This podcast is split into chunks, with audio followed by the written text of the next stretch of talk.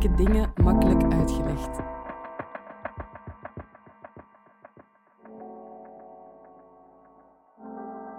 Dit is de podcast van Moeilijke dingen makkelijk uitgelegd.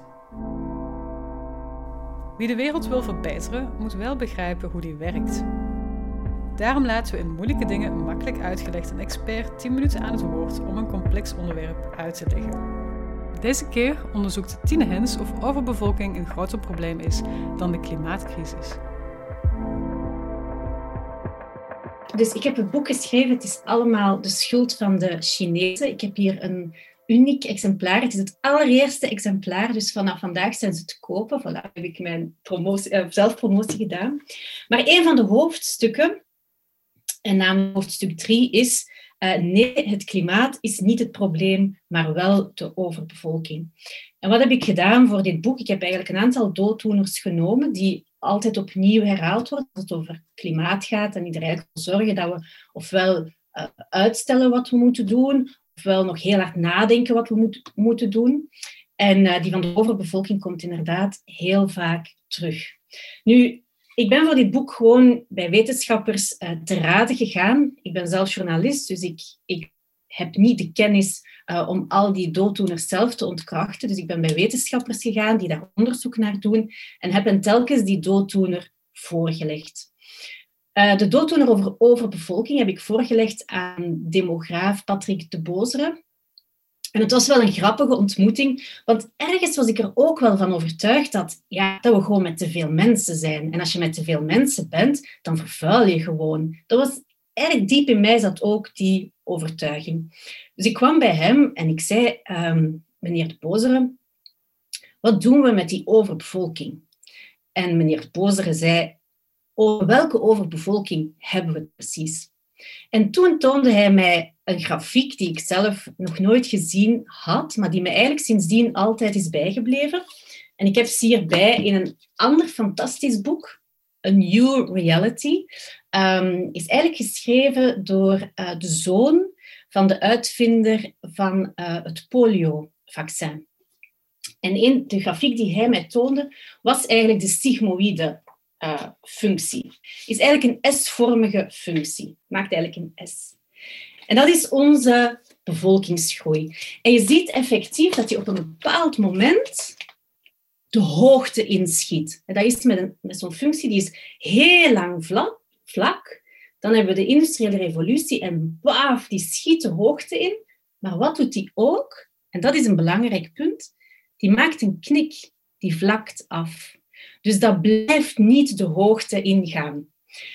En dat is eigenlijk de functie van bevolkingstoename, ook onze bevolkingstoename.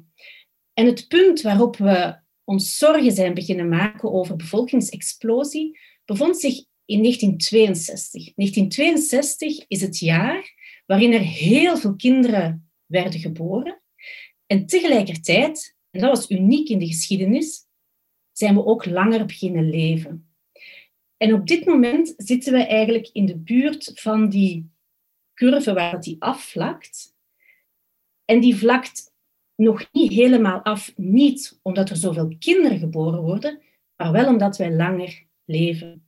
Dus als mensen zeggen over bevolking is het probleem en je denkt daarover door, dan kom je in een heel raar scenario, want dat zou betekenen dat wij een soort van collectieve euthanasieregeling moeten uitwerken, opdat mensen niet te oud zouden worden. Want de hoeveelheid kinderen die er op dit moment geboren worden per vrouw bedraagt eigenlijk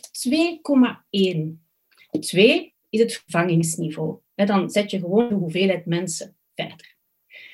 En 2,1, dat is waar wij nu zitten. Er zijn een aantal landen waar dat er nog echt, waar de bevolking serieus toeneemt, maar eigenlijk een heel groot deel van de landen in de wereld, zowel in Azië, Latijns-Amerika, Europa als de Verenigde Staten, is die bevolking aan het afnemen. Vandaag was er nog een bericht in de krant uit China, waarin men eigenlijk de Chinezen begint aan te moedigen om terug twee kinderen te krijgen.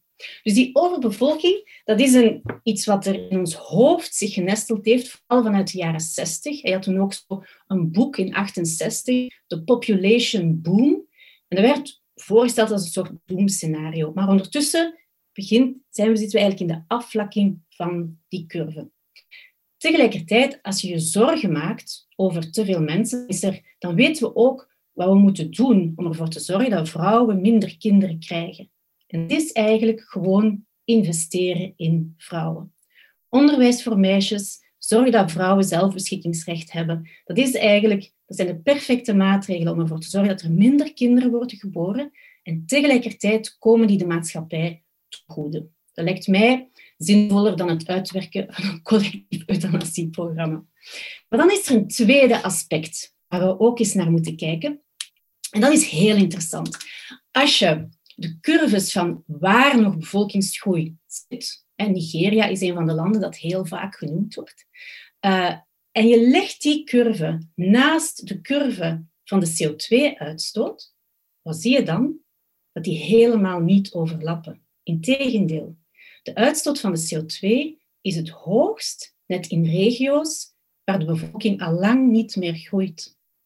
En dus om het heel simpel te stellen, zou je kunnen zeggen dat niet te veel mensen een probleem is, maar wel te veel rijke mensen.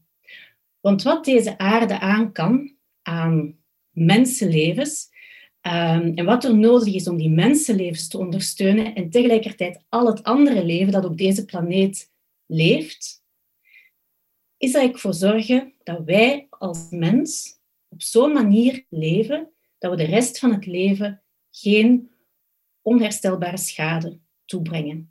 En dat is niet waar we nu zijn. Dat is klimaatcrisis, dat is biodiversiteitscrisis.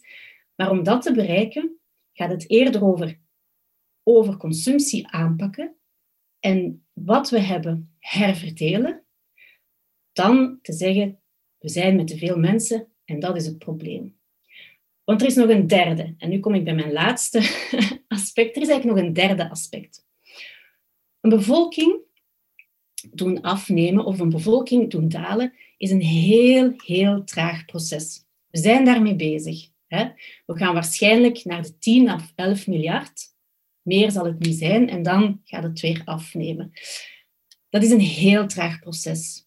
En we hebben geen tijd om daarop te wachten, om de klimaatcrisis aan te pakken.